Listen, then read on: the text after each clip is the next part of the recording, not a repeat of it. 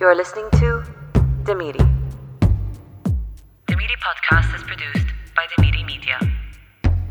This episode is in English. Hello, I'm your host, Rada.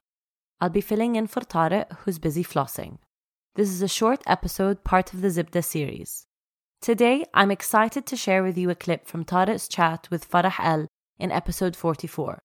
Farah is a singer songwriter with a fascinating approach to art and a rich Libyan Irish background. In this clip, Farah focuses on a very challenging time in her life when her mother went to Libya to become the health minister in 2011. Farah believes that the aftermath of the hardships she faced at such a young age because of this event made her who she is today. I'm excited. Are you ready? Before we start, I have a small favor to ask you. Click the share button on this episode and send it to someone that would enjoy listening to it. This helps Demiri reach people that will become listeners like you. Let's do it!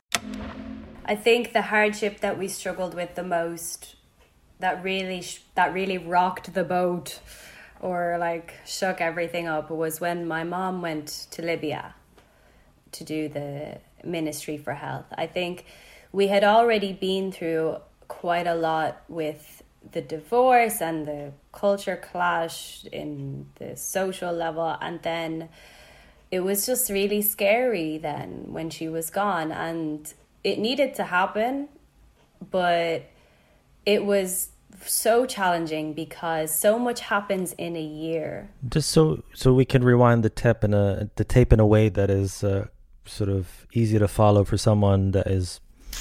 Let's think of this personality: someone who's not from Libya, has no clue what the events are, and, has the freedom to look at it from a blank perspective. Like, what?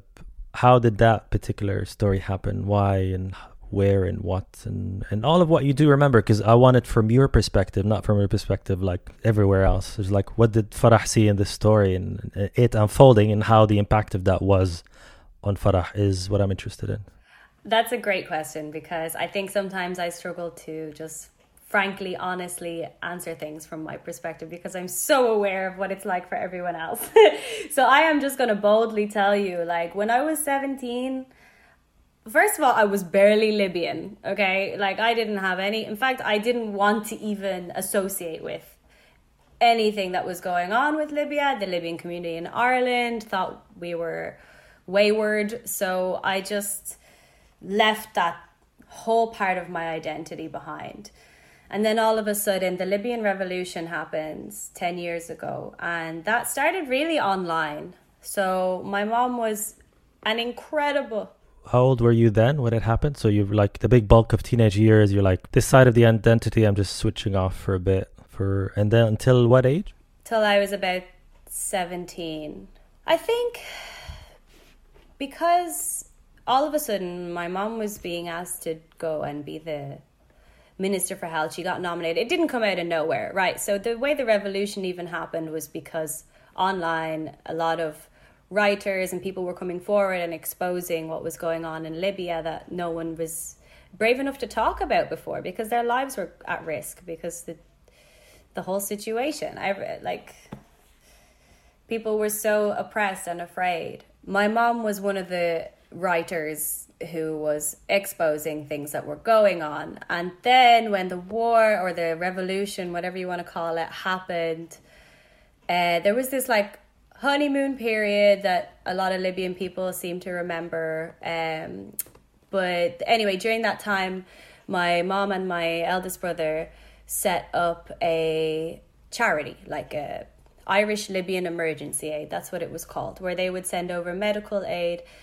And so she was nominated because of all this work she had already done. And my grandfather was uh, a, a, military judge who had put Gaddafi in prison in the 60s before Gaddafi came into power. So we had all these, it made sense for her to go and do this job. I was doing my final year of exams. So in my head, I was like, oh, my mom's already a workaholic. She's like so addicted to her job as an eye doctor, and now she's gonna go to Libya and like leave me here. so